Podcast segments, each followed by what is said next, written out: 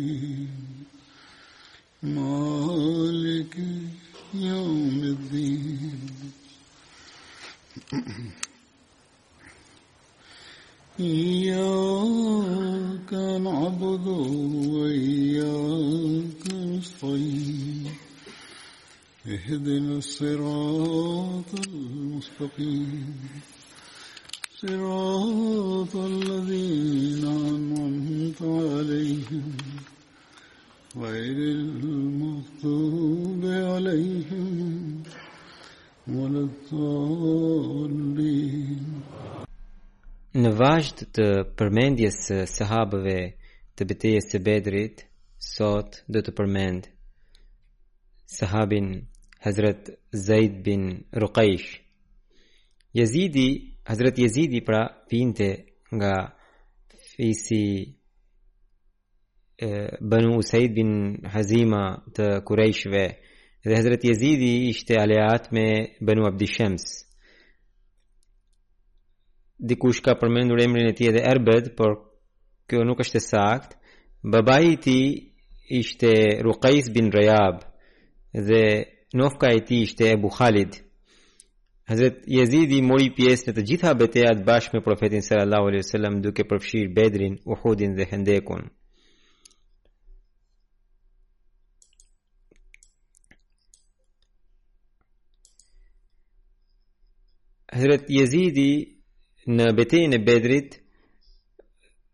vrau Amr bin Sufjanin që ishte njëri prej fisit të Taj.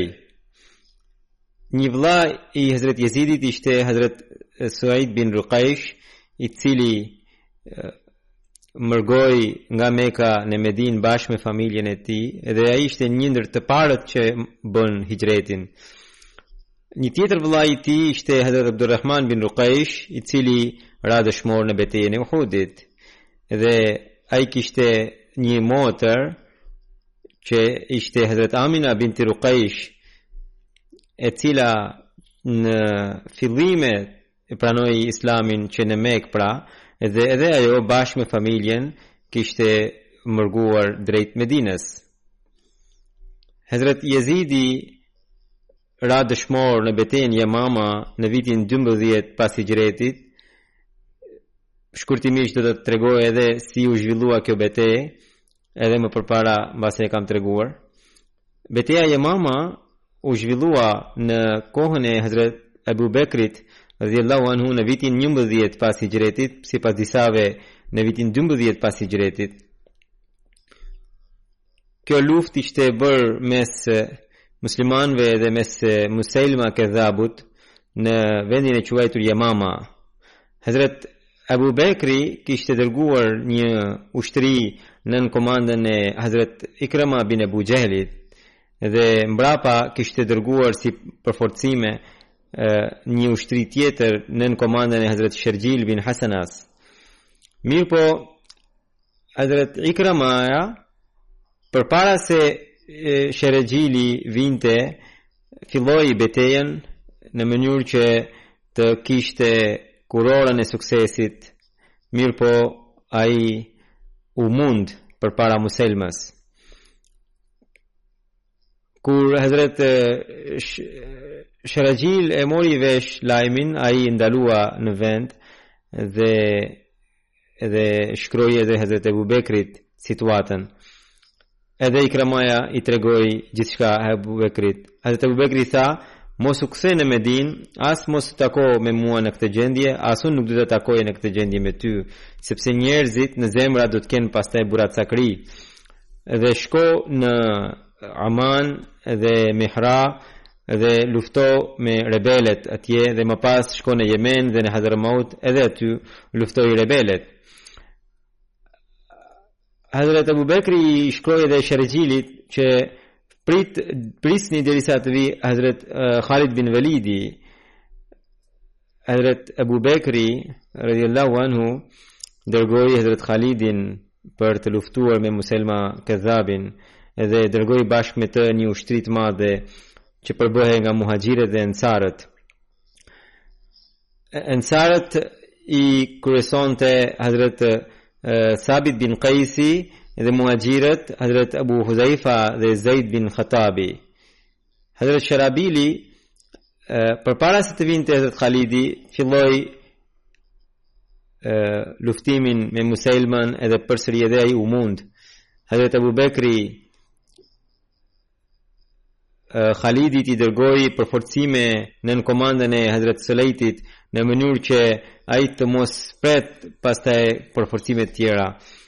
Hazret Ebu Bekri thoshte që unë nuk dëshiroj të përdor sahabët e betejës së Bedrit, edhe thoshte se unë dua t'i lër ata në atë mënyrë që ata të takojnë vetë Zotin e Madhërishëm me veprat e tyre të mira, sepse me bekimet e tyre do të përfitonin të tjerët dhe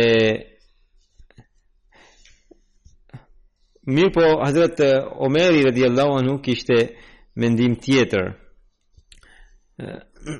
ai përdorte sahabët e betejës së Bedrit në beteja të tjera. Sidoqoftë, në këtë betejë ushtria e muslimanëve ishte 13000, kurse Muselma Kadhabu kishte 40000 ushtarë.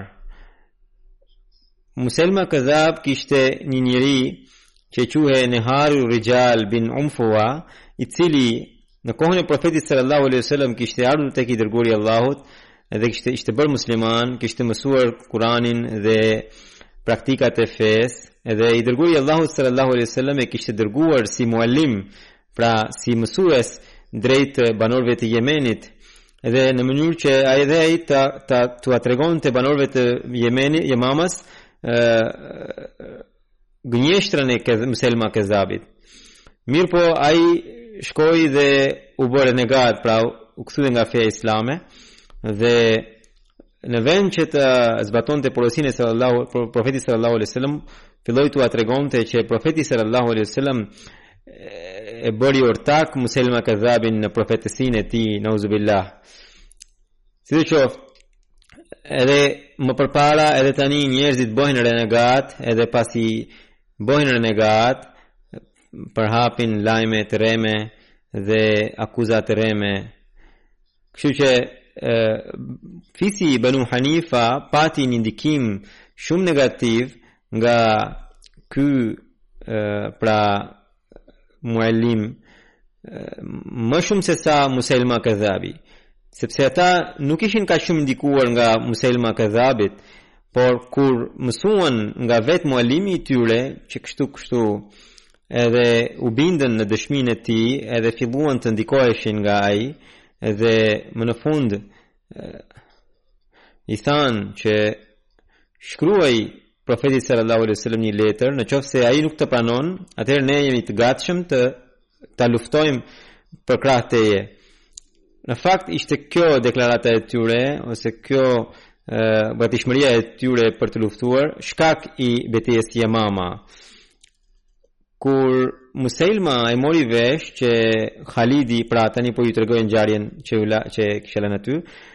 Kur Muselma e mori vesh që Khalidi është duke pritur për të luftuar, ai u vendos në Uqruba, në vendin e quajtur Uqruba dhe thirri njerëzit e vet për ndihmë. Shumë fise erdhën për të ndihmuar. Gjatë kësaj kohe edhe Mujaa bin Murara erdhi me një grup ushtarësh, muslimanët i kapën edhe Khalidi i vrau shokët e tij kurse Mujaan e mbajti gjallë. Sepse ai kishte ndikim shumë të madh në fisin Benu Hanifa. Pra nuk e vrau liderin e tyre. Djali i Muselmas Sharajil, pra edhe ky ka pas emrin Sharajil, i tha fisit Abu Hanifa se sot është koha që ne ta tregojmë burrërinë tonë, bashkimin dhe unitetin tonë. Dhe pra kështu i nxiti njerëzit e vet, edhe tha që po u mundët sot Gratë tuaja do të bëhen skllave dhe njerëzit do të përfitojnë prej tyre pa u bërë nikah me to. Prandaj mbrojeni nderin e grave tuaja sot, kështu që filloi lufta flamuri i muhaxhirëve ishte tek Hazret Salim Maula Huzaifa, përpara tij kishte, këtë flamur e kishte Abdullah bin Hafsi, i cili kishte rënë dëshmor, ndërsa flamuri i ensarëve ishte tek Hazret Sabit bin Kajsi. Lufta ishte shumë e fuqishme, Edhe ishte e tillë që muslimanët kurrë deri më parë nuk e kishin përjetuar. Muslimanët u mundën fillimisht dhe Banu, fisi Banu Hanifa dolën përpara për ta liruar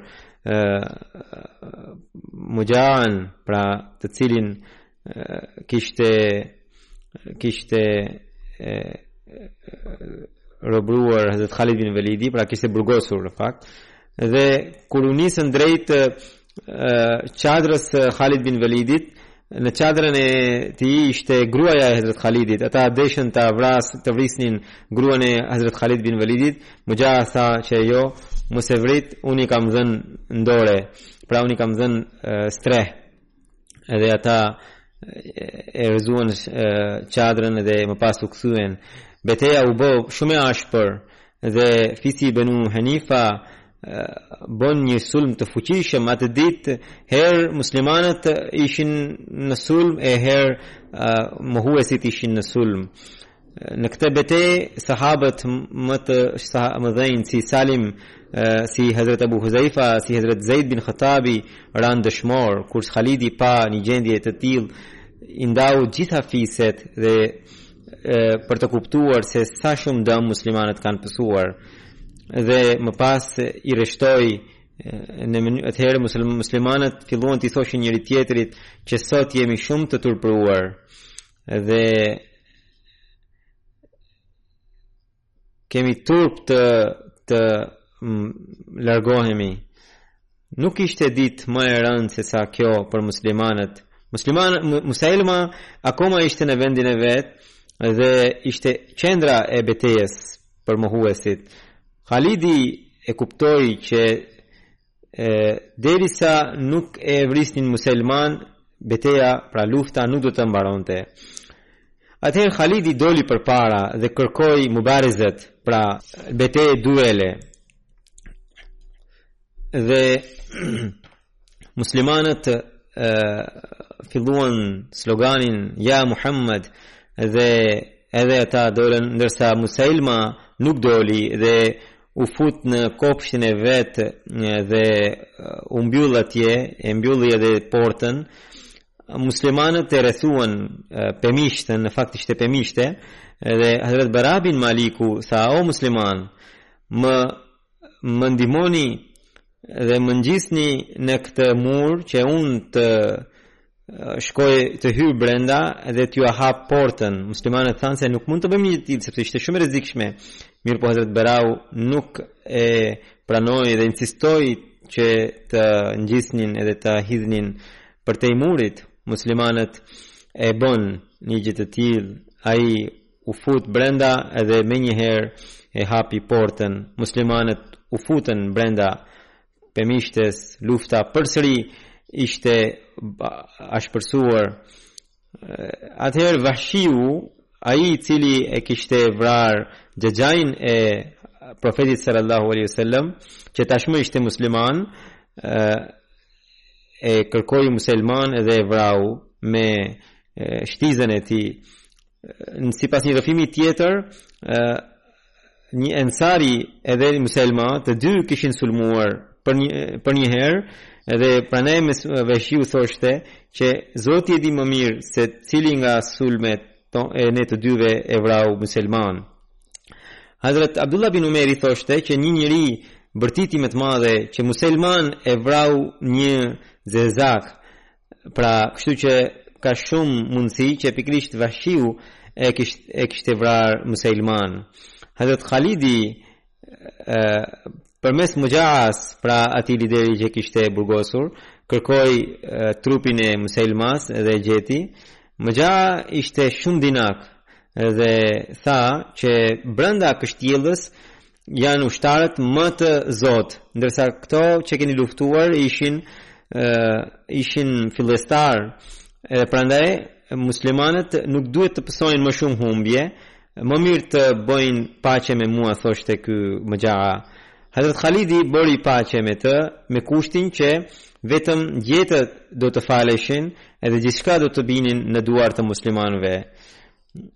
Muxhaa ishte shumë dinak tha që unë do të futem në kështjellë dhe do të bëj këtë marrëveshje me ta. Tani Muselma ishte vrarë, tashmë ky ishte që mund të përfaqësonte ushtrinë e mohuesve dhe Muxhaa erdhi në kështjellë dhe aty ishin vetëm gra, fëmijë të vegjël edhe pleq dhe njerëz të dobët. Ai i veshi gratë me parzmore dhe u tha se përpara se të kthehem ju qëndroni nëpër kullat e kështjellës dhe duhet të tregoheni që jeni ushtarë edhe duhet të ngrini edhe zërat duke treguar që jeni gatshëm për të luftuar. Edhe më pas erdhi te Khalidi dhe tha që ushtarët nuk po bëhen gati për ta pranuar këtë marrëveshje dhe madje janë gati për të luftuar. Edhe ja ku i kanë janë përpara sipër e, pra u tregoi i tregoi Khalidit tek kullat e rojes. Halidi pa që kullat e rojes ishin plot me ushtarë, ndërkohë ato nuk ishin ushtarë, por ishin gra, dhe mendoi që muslimanët ngaqë ishin dëmtuar shumë dhe beteja ishte zgjatur shumë, ai aty për aty e bëri marrëveshjen me Muxhas që e, Halidi do të merrte gjithë argjendin dhe floririn edhe një pjesë të robëruarve dhe e, bagëtive dhe kështu ata do të ish liheshin të lirë. Në këtë betejë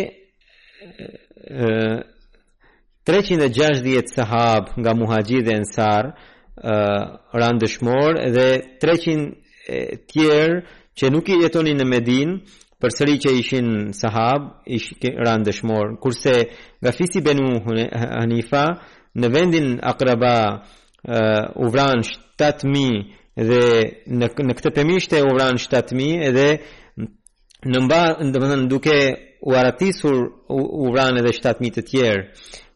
Kur ushtria u kthye në Medinë, Hazret Omeri e pyeti të birin, "Përse nuk u nuk re dësh, dëshmor ti përpara Zeidit?"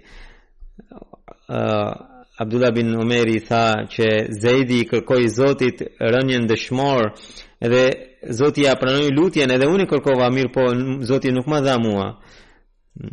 Sidoqoftë, gjatë këtij viti shumë nga sahabët kishin rënë dëshmorë dhe për këtë arsye Hazret Abu Bekri radhiyallahu anhu filloi të mblidhte Kur'anin famëlartë nga frika se Kur'ani të mos humbe nga vdekja e sahabëve.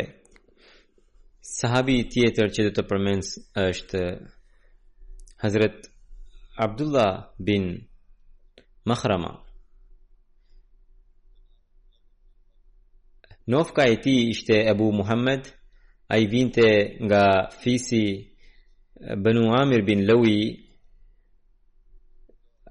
atij i thoshin edhe Abdullah Akber, ai ishte ndër të parët që pranoi islamin.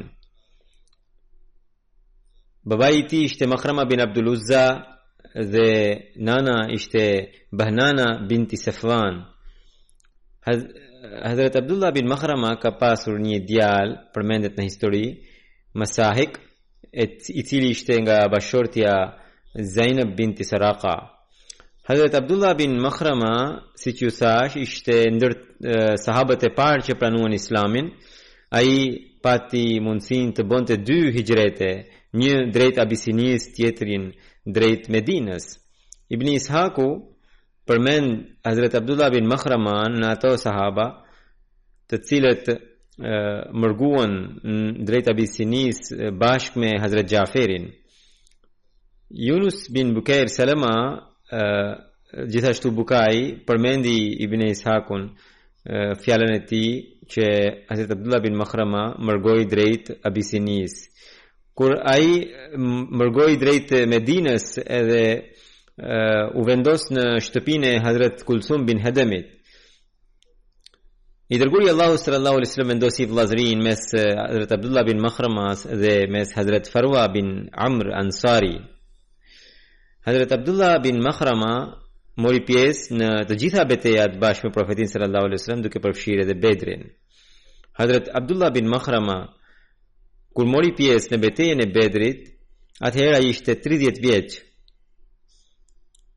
Në kohën e kalifatit të Hazret Ebu Bekrit, ai ra dëshmor në luftën Jemama dhe në atë atëherë ai ishte 41 vjeç.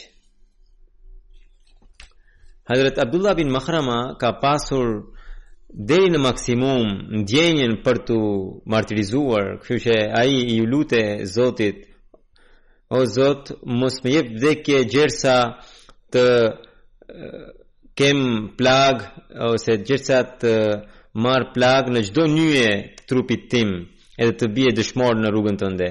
Kështu që në betejën Jemama aty ai u lëndua pikërisht nëpër nyjet edhe për këtë arsye ai kishte rënë dëshmor. Ai ishte shumë adhurues, bënte shumë ibadet që në kohën e rinisë. Hazret Ibni Umeri tregon që ditë në vitin e betejës së Jemama,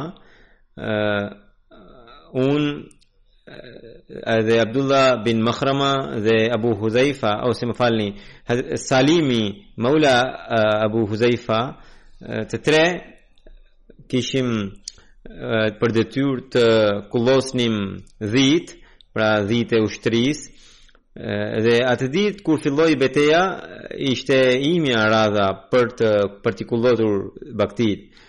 E kur jam kthyer, e pashë Abdullah bin Mahraman në fushëbetejën të lënduar e të plagosur, qëndrova aty dhe ai më pyeti, o Abdullah bin Omer, A çelën iftarin agjëruesit? Unë thashë po, e, më tha, më jep pak ujë në mburojen tënde që edhe unë të hap e, iftarin, pra ishte në agjërim. Abdullah bin Umeri thotë se unë shkova për të marrë ujë, kur jam kthyer, ai kishte ndërruar jetë. Hazrat Amr bin Mabed është sahabi i radhës që do të përmend sot, Emri i tij gjithashtu përmendet si Umair bin Ma'bad. Babai i tij ishte Ma'bad bin Azhar dhe ai vinte nga fisi i Ensarëve i Ausit dhe dega Banu Zubaya. Hazrat Amr bin Ma'bad mori pjesë në betejën e Bedrit edhe në të gjitha betejat bashkë me Profetin sallallahu alaihi wasallam, duke përfshirë edhe Uhudin. Hazrat Amr bin Ma'bad ditën e betejës së Hunejnit ishte ndër ata 100 sahabë trim, të cilët për të cilët Allahu i Madhërishëm tha që Zoti ka marrë përsipër furnizimin e tyre. Pra që qëndruan të palëkundur bashkë me profetin sallallahu alaihi wasallam. Një në një rrëfim përmendet që Hazrat Abdullah bin Amri tregon se betejën e Hunenit ne ishim në gjendja e jonë ishte e tillë që dy grupet e muslimanëve po arratiseshin për shkak të luftës Dhe profeti sallallahu alaihi wasallam nuk kishte as 100 veta pranë tij. Dhe ndër ata për këtë numër në fakt ka rrëfime të ndryshme, disa thonë 80, disa thonë 100. Pra nga 80 deri 100 ishin ata sahabë, të cilët qëndruan të palëkundur në këtë situatë të vështirë bashkë me profetin sallallahu alaihi wasallam. Sahabi i radhës që do të flas sot është Hazrat Numan bin Malik. Hazrat Numan bin Maliku, emri i tij ishte Numan bin Kaukal gjithashtu. Imam Buhariu përmend me emrin e tij Ibn Kaukal dhe Allama Badruddin Aini që është një dietar dhe interpretues i Buhariut thotë që Emri i plotë i Ibn Kaukalit ishte Numan bin Malik bin Thalaba bin Asram. Dhe Thalaba ose Asram ishin një titull dhe Kaukab ishte një titull dhe Numani i referohej gjyshit të vet prandaj i thoshin Numan bin Kaukab. Dhe Numani kishte pra te, në të ecurin çalonte pak Babai i tij ishte Malik bin Thalaba dhe nëna Amra binti Zijad dhe ajo ishte motra e Hazret Mujzir bin Zijadit. Ai vinte nga fisi i ensarve Khazrexh nga dega Benu Ganam. Kjo, ky fis njihej si Kaukal dhe sipas ibn Hishamit, Hazret Numan bin Maliku, njihej edhe si Numan Kaukal dhe Ibn Hishami gjithashtu përmendi fisin e tij si Banu Dad.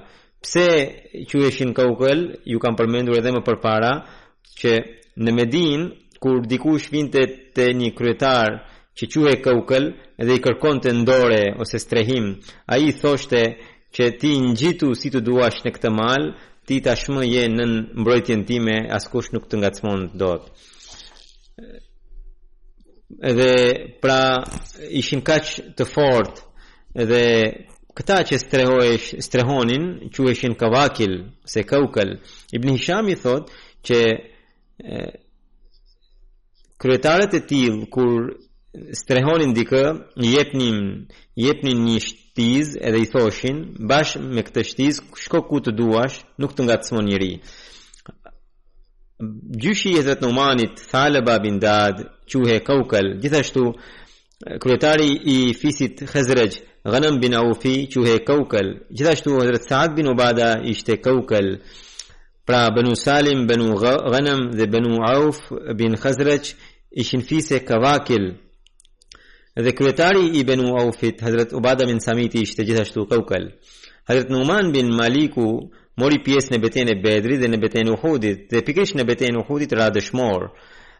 Atë e vrau Safwan bin Umayya, sipas një rrëfimi tjetër, Hazrat Numan bin Malikun e vrau Aban bin Saidi. Hazrat Numan bin Maliku dhe Hazrat Mujazzir bin Ziyadi dhe Hazrat Ubada bin Hashasi në betejën e Uhudit u varrosën vetëm në një varr.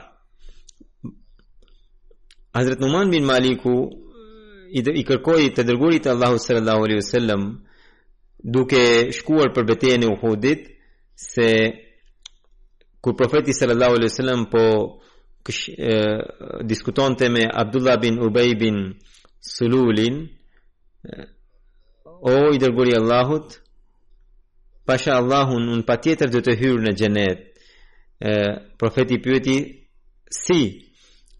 Numani tha që për arsye, sepse unë dëshmoj se nuk ka zot tjetër përveç Allahut, edhe ti je i dërguari i Allahut, dhe unë nuk do të arratisem nga lufta. Nga kjo, profeti sallallahu alaihi wasallam tha, ti e the të vërtetën, kështu që ai pikërisht atë ditë ra dëshmor. Khalid bin Abu Malik Xhadiu rrëfen se unë e kam parë në librin e babait tim rrëfimin që Hazret Numan bin Kaukali e, ishte lutur që o Zot pasha ty derisa nuk do të perëndojë dielli unë do të hecë në luginën e xhenetit me këtë e, ecjen time të çaluar I Dërguari i Allahut, edhe ai ra dëshmor pikërisht atë ditë, i Dërguari i Allahut sallallahu alaihi wasallam tha se Zoti ia pranoi lutjen edhe unë kam parë në keshf, pra Allahu ia tregoi Profetit sallallahu alaihi wasallam që ai ecte në xhenet dhe nuk kishte asnjë të metë në të ecurin, pra nuk çalonte. Hazrat Abu Huraira radhiyallahu anhu tregon se unë erdha tek i dërguari i Allahut sallallahu alaihi wasallam Ndërkohë Profeti sallallahu alaihi wasallam ishte në Khaybar, kurse sahabët e kishin fituar, e kishin çliruar Khayberin. I thashë, o i dërguari i Allahut, më jepni edhe mua hisen time. Said bin një një djalë i Said bin Asit i tha, o i dërguari i Allahut, mos i jepni ndonjë hise Abu Hurairas. sepse Hazrat Abu Huraira tha o profeti i Allahut ky është vrasësi i Numan bin Kaukalit e ky ibn Said bin Asi tha duke u çuditur mua më tha pra thotë Abu Huraira që ti po mburresh para meje ti ke ardhur si bari dhe mua më nxjerr fajin që unë paskam vrarë një musliman e më pas ai shtoi ai që u nderua nga duart e mia Zoti nuk më ka poshtruar nga duart e tij, pra e përmendi me shumë marifet. Sufjani thotë që unë nuk e di se i dërguari i Allahut sallallahu alaihi wasallam atij i dha ndonjë pjesë apo jo. Hazret Xhabiri tregon se Hazret Numan bin Kaukali erdhi tek i dërguari i Allahut sallallahu alaihi wasallam dhe pyeti o i dërguari i Allahut nëse unë fal namazet farz dhe agjëroj ditët e Ramazanit dhe gjërat që janë haram t'i quaj haram dhe gjërat që janë hallall t'i quaj hallall dhe të mos shtoj asgjë mbi këtë a mund të hyj në xhenet Po, i tha profeti sallallahu alaihi wasallam. Atëherë i tha për Zotin, unë as nuk do t'i shtoj gjë dhe as nuk do t'i pakësoj. Hazrat Xhabir tregon se Numan bin Kaukali hyri në xhami kur profeti sallallahu alaihi wasallam po mbante hutben e xhumasë. Profeti i tha, "O Numan, fali dy rekat namaz Sepse pra këtu përmendet çështja e dy rekateve të xhumasë, namazit të xhumasë. Profeti sallallahu alaihi wasallam ndërkohë po mbante hutbe, edhe hyri uh, Numan bin Kaukali, edhe i tha, fali dy rekate, edhe tha, uh, shpejtoji sepse pra kishte filluar hutbja profeti sallallahu alaihi wasallam e porositi t'i falte dhe e porositi gjithashtu t'i shpejtonte edhe më pas shtoi në qoftë se vjen ndokush prej jush në xhami dhe ndërkohë imami po mban hutbe atëherë le t'i falë dy rekat namaz por jo të gjata sahabi tjetër për të cilin do të flas sot është Hazrat Khubayb bin Adi Ansari Hazret Khubayb bin Adi vinte nga fisi i Ensarëve Aus, nga dega Banu Jahjaba bin Auf. Hazret Umair bin Abi Waqasi kur mërgoi nga Mekka në Medinë, atëherë i dërguari i Allahut sallallahu alaihi wasallam vendosi vëllazërinë mes atij dhe mes Khubayb bin Adit. Hazrat Khubayb bin Adi mori pjesë në betejën e Bedrit. Dhe në këtë betejë ai vrau Haris bin Amirin. Pra njërin prej mohuesve që quhej Haris bin Amirin. Dhe ai kishte edhe ngarkim edhe mbikëqyrjen e mjeteve të muxhahidëve në betejën e Bedrit. Hazrat Khubayb bin Adi ishte pjesëmarrës në ngjarjen e Rexhiut që u zhvillua në vitin 4 pas Hijretit dhe atë dhe Hazret Zaid bin Dasna i burgosën mohuesit dhe i shitën në Mekë dhe djemtë e Haris bin Amirit i blejnë Hebi Khubaybin që të, që ta vrisnin si hakmarrje sepse Khubaybi i kishte vrarë në betejën e Bedrit. Sipas Ibn Ishakut, Hujajr bin Abu Ihab Temimi ishte ai që bleu Khubaybin, i cili ishte aleat me Harisin. Dhe ai pastaj ia shiti djemve të Harisit që ata të hakmerreshin për vrasjen e babait të tyre. Gjithashtu është thënë që Ukba bin Harithi e bleu Khubejbin nga Benu Nexhari, po ka edhe një rrëfim tjetër ku thuhet që Abu Ihab, Akrama bin Abu Jehel, Ahnas bin Sherik, Ubejda bin Hakim, Umeja bin Abu Atba Hazremi, pra këta, fëmijët e këtyre e kishin blerë Khubejbin. Këta ishin ata të cilëve u ishin vrarë baballarët në betejën e Bedrit.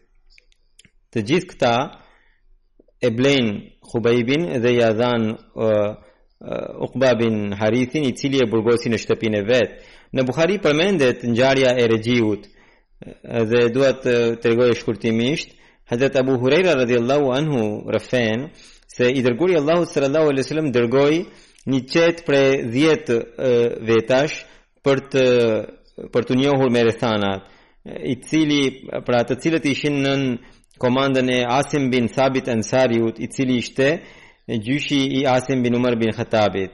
Këta kur mbërritën në vendin e quajtur Bahda, që është në mes të Esfanit dhe Mekës, disa njerëz i njoftuan njerëzit e Banu Lehjanit, i cili të cilët janë pjesë e fisit të Hazil.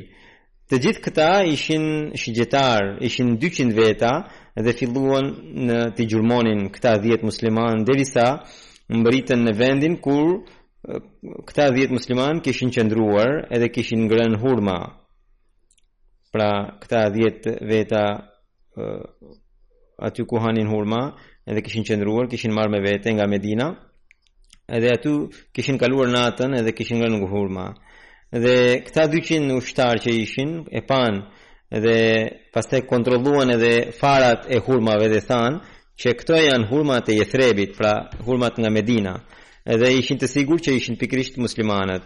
Dhe më pas filluan t'i ndiqnin hapat gjurmët e tyre kur Asim bin pra sahabi e pa ai ata u, u ngjitën mbi një kodër dhe kurse këta e rrethuan kodrën duke thënë që ne ju kemi rrethuar zbrisni poshtë ne po ju japim besë që nuk do t'ju shtrëngojmë Nuk do t'ju nuk do të vrasim askënd prej jush.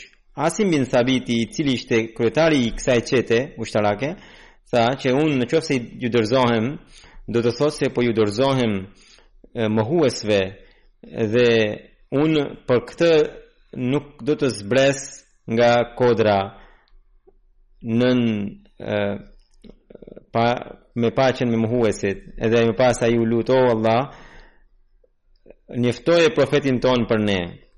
Ata filluan të qëllonin me shigjeta dhe Asimin dhe edhe shtatë të tjerë i vranë në vend. Tre të tjerët u e pranuan dhe zbritën poshtë, ndër këta tre ishte njëri ishte Hubejb Ensari, tjetri ishte Ibn Desna dhe ishte edhe një tjetër. Kur këta sa zbritën, mohuesit menjëherë i shtrënguan, filluan t'i lidhnin dhe t'i prangosnin, atëherë i treti tha që kjo është pabesia juaj e parë edhe unë tashmë gjej shembullin tek ata që ranë dëshmorë mbi kodër, edhe për këtë arsye nuk do të vij me ju. Ata u kacafytën, filloi një dyluftim mes tyre dhe ai ra dëshmor shumë shpejt. Më pas morën Hubejbin dhe Ibn Desnan dhe i shitën në Mekë. Pra, kjo ngjarje ndodhi pas betejës së Bedrit.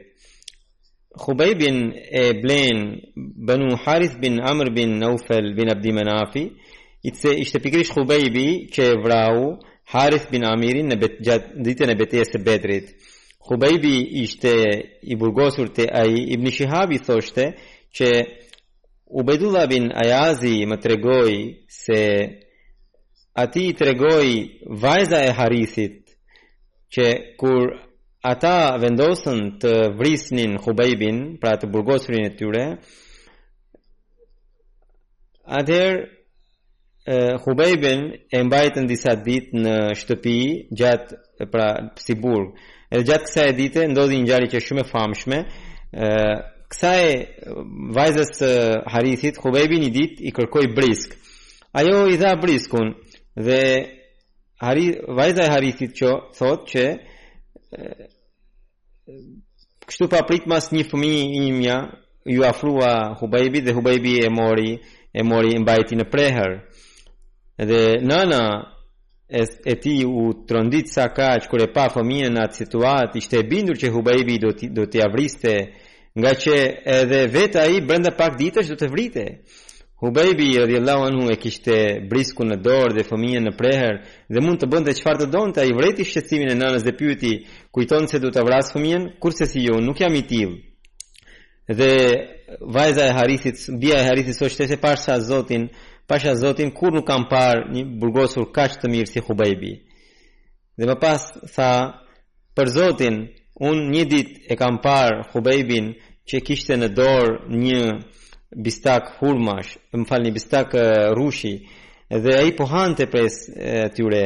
Ndërkohë ai ishte i prangosur dhe në atë kohë në Mekë as nuk kishte asnjë frut. Dhe pyeta dhe ai më thoshte, ky është risku prej Allahut që më ka dhënë mua. Kur njerëzit për ta vrarë atë Hubejbin e nxorën nga haremi, pra në pjesën e haremit nuk bëhet vrasja, Hubejbi u kërkoi që të falte dy rekat namaz, ata i dhanë mundësinë, Ai fali dy rekat namaz dhe më pas tha që në qoftë se nuk do të mendonit që në qoftë se unë nuk kisha dyshim se ju do të mendoni se unë po friksohem, unë do t'i zgjasja namazet, por vetëm sepse ju do të mendoni, ju do të mendoni se unë po friksohem, unë i kam shkurtuar namazin.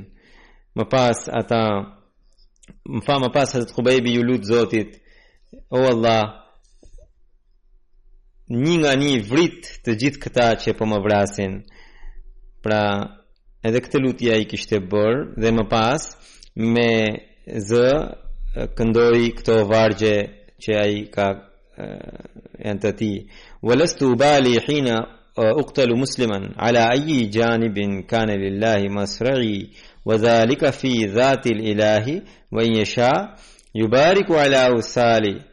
Shilvin Mumazzai, Domethënë nuk po frikësohem gjersa vritem musliman, as në cilin krah do të bjerë trupi im.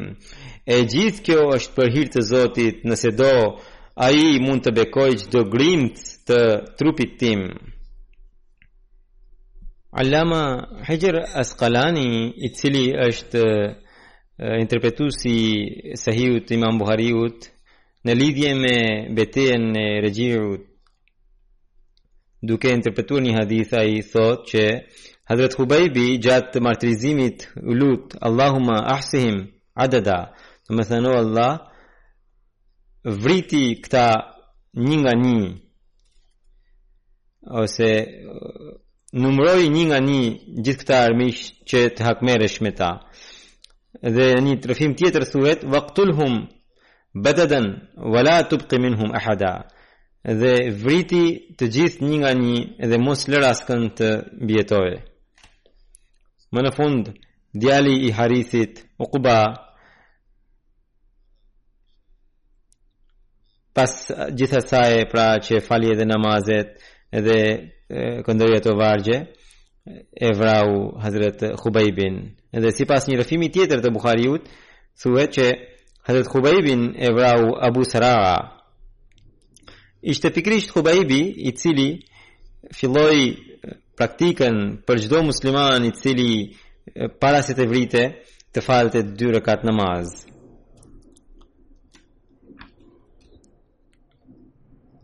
Allahu i madhërishëm ia dëgjoi lutjen edhe Asim bin Thabitit, pra Asimi ishte kryetari i këta, këtij grupi muslimanësh, dhe profeti sallallahu alaihi sallam sahabëve të tij ua tregoi që Allahu e, i madhërishëm vetë e njoftoi profetin sallallahu alaihi sallam dhe ai ua tregoi sahabëve, sepse edhe kështu Asimi ishte lutur zotit. Dhe i dërguari i Allahut sallallahu alaihi wasallam tregoi sahabëve gjithë ngjarjen që kishte ndodhur edhe gjithë mundimin që ata patën. Dhe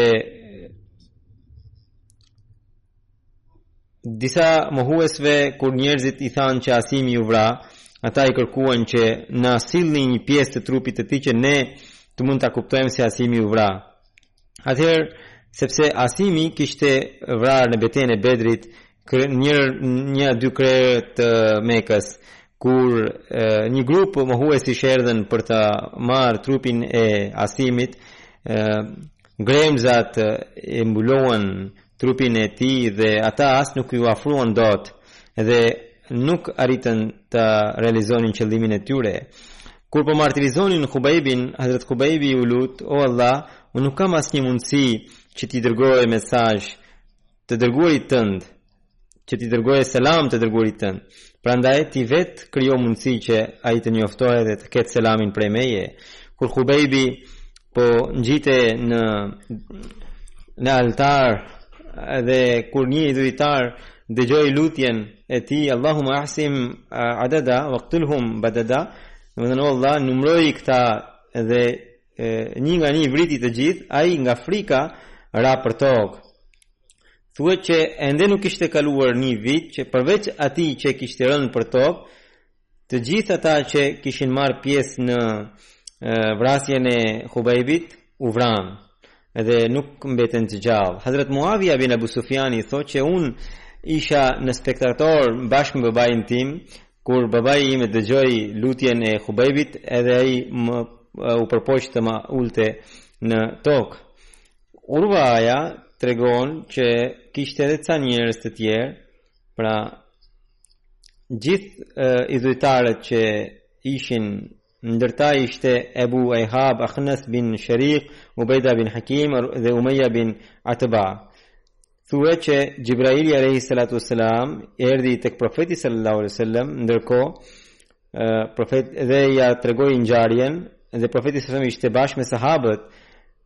Sahabët thonë që profeti atë kohë ishte me ne dhe kështu papritmas tha Wa alejka selam ja Khubejb domethënë selam o Khubejb Dhe tha kurejshi e vranë kurejshët Khubejbin Pra kështu Allahu i Madhërishëm krijoi mundësinë që Profeti sallallahu alajhi wasallam të njoftohet për selamin e tij. Kjo përmendet në Sherh Sahih Buhari. Kur u martirizua Hazrat Khubejbi, idhujtarët u përpoqën të ndërronin fytyrën e tij në drejtim jo të kibles dhe pas asaj kur erdhën prap për ta parë fytyra e tij ishte në drejtim të kibles ata vazhdimisht ia kthenin fytyrën dhe nuk arrinin suksesin. E më në fund ata e lanë trupin e tij ashtu siç është, siç ishte. Në një rrëfim tjetër thuhet që ata e varën Khubejbin në një dru, në një trung dhe filluan ta shponin me shtiza në trupin e tij. një njeri që quhe Said bin Amir, i cili ishte njëri prej këtyre, dhe ai thotë, ma vonë bëhet musliman, dhe thotë që sa herë që i kujtohe kjo ngjarje atij i binin të fikët, për shkak se ishte shumë mizore vrasja e tij. Ka edhe ngjarjet e tjera të Hazrat Khubejbit që do t'ju përmend në një ditë tjetër. Pas kësaj sot dua t'ju bëj njoftimin që sektori i historisë së xhamatit Ahmedia ka krijuar uebfaqen e tyre edhe në gjuhën angleze edhe në gjuhën urdu në të cilën ata kanë postuar materiale në lidhje me historinë e Ahmediatit dhe në lidhje me biografitë e e figurave të xhamatit, për shembull Mesiun e Premtuar alejhi salatu wasalam, kalifët e xhamatit, sahabët e Mesiut e Premtuar alejhi selam, martirët e xhamatit, Dervishan-e-Kadian dhe misionarët dhe vendet e shen, vendet e, e historike Dhe gjithashtu gjithë vëllimet e historisë së Ahmediatit që janë botuar deri më tani janë publikuar atje. Gjithashtu kumtesa të dijetarëve të mëparshëm që janë të rëndësishme, citimet e gazet, gazetave që janë citime të rëndësishme, Tema në lidhje me historinë e xhamatit, tema të rëndësishme, godinat e kryesore të xhamatit të të arsimit, të shëndetësisë, të zyrave të ndryshme të administratës, të gjitha këto janë postuar në këtë faqe. Gjithashtu, përmes një kanali të YouTube-it janë postuar disa nga dokumentarët e, e rralla të MTA-s, në lidhje me historinë e xhematit. Gjithashtu po përpi, po bëhet përpjekje që të krijohet një timeline të xhematit Ahmedia nga fillimi deri tani. Inshallah taala pas namazit të xhumas unë do ta lançoj këtë webfaqe. Pas kësaj kemi një lajm të trisht. Misionari i hershëm i xhematit Safiur Rahman Khurshid Sahibi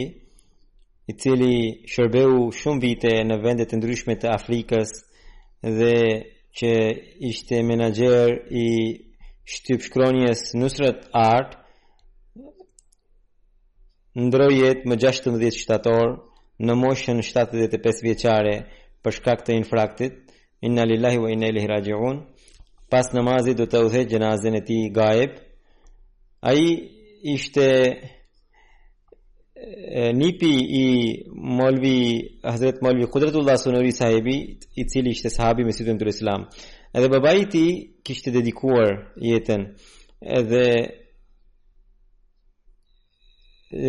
nën udhëzimin e Hazret Kalifit të dytë shërbente në tokat e xhematit në Sind Safiur Rahman sahibi studimet e para i kreu në Rabva Nëna e tij kishte parë një ëndërr në bazë të të cilës ai u regjistrua në Xhamia Ahmedia në vitin një mijë e nëntëqind e gjashtëdhjetë e një e më pas në vitin një mijë e nëntëqind e shtatëdhjetë kreu pra shahidin mësimet teologjike të xhematit. Ai ka pasur dy gra, nga njëra ka një vajzë, nga gruaja tjetër nuk ka fëmijë.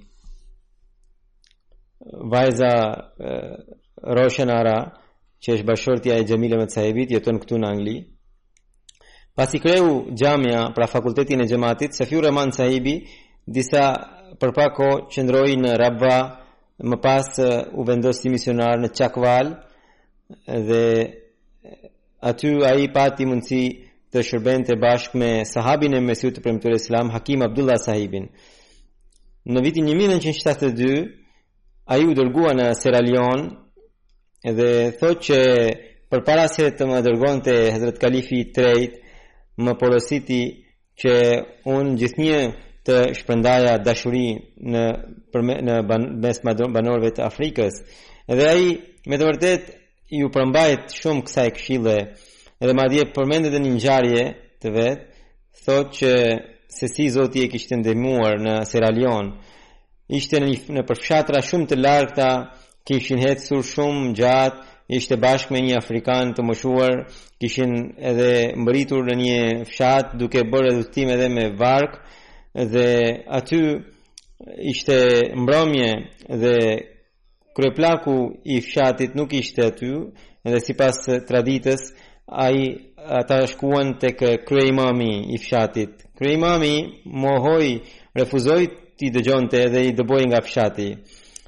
Ishte mbrëmje dhe nuk kishin mundësi as të ktheheshin dhe as të shkonin diku. Dhe për pak do të fillonte pyll, edhe ishte një vend ku kishin frikë dhe dallgët e se të, të, të detit.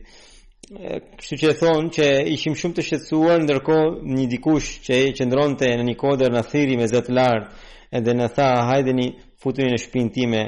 Në kaso ishte një kasolle, edhe aty u futëm. thoshte ai.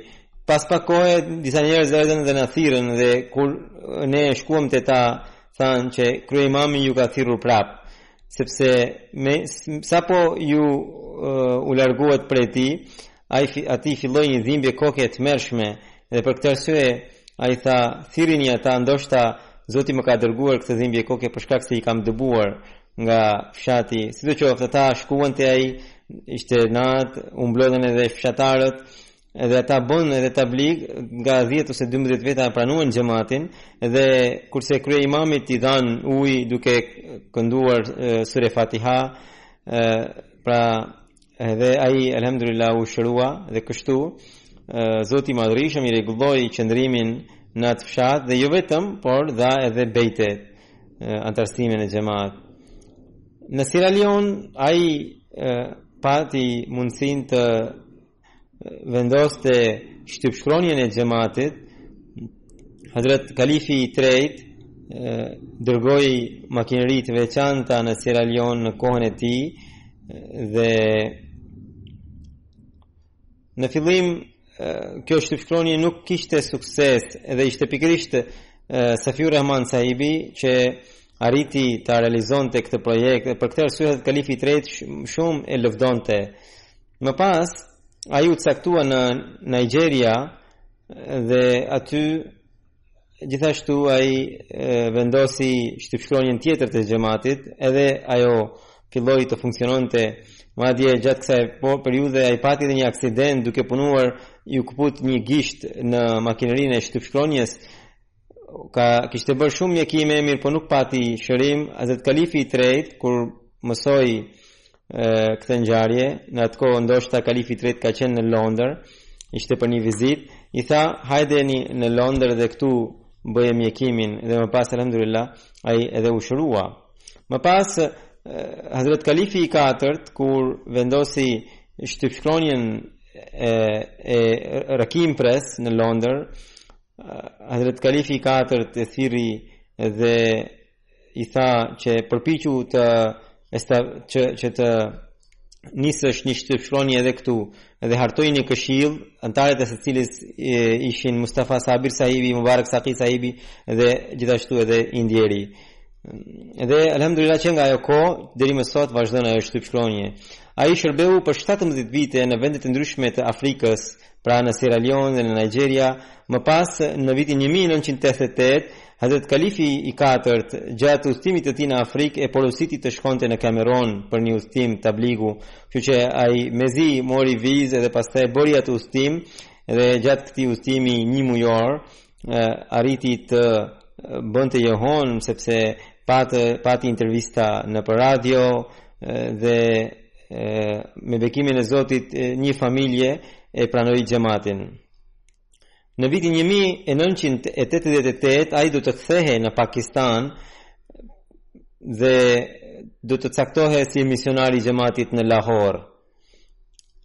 Edhe këtu pra vinte në Angli në xhelsa në vitet e ndryshme, shërbente në zyrën e private secretary sahibit. Në vitin 1991, ai u caktua menaxher në shtypshkronjën Nusrat Art Press. Edhe në fund, ai pati probleme me zemrën edhe kishte marrë edhe ë kishte dalë në pension Allahu e mëshiroftë dhe ia ngrittë nivelet në xhennet dhe vajzës dhe bashkëshortes i dhëntë durim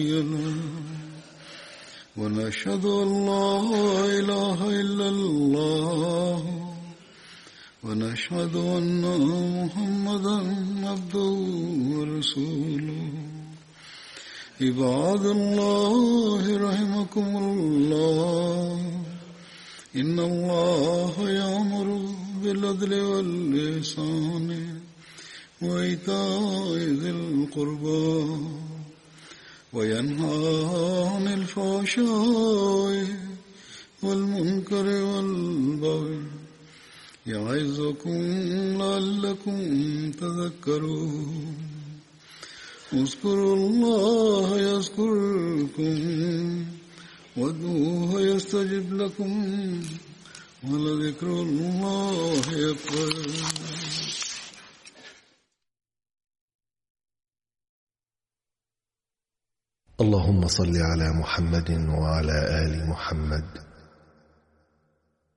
كما صليت على إبراهيم وعلى آل إبراهيم إنك حميد مجيد اللهم بارك على محمد وعلى آل محمد كما باركت على إبراهيم وعلى آل إبراهيم إنك حميد مجيد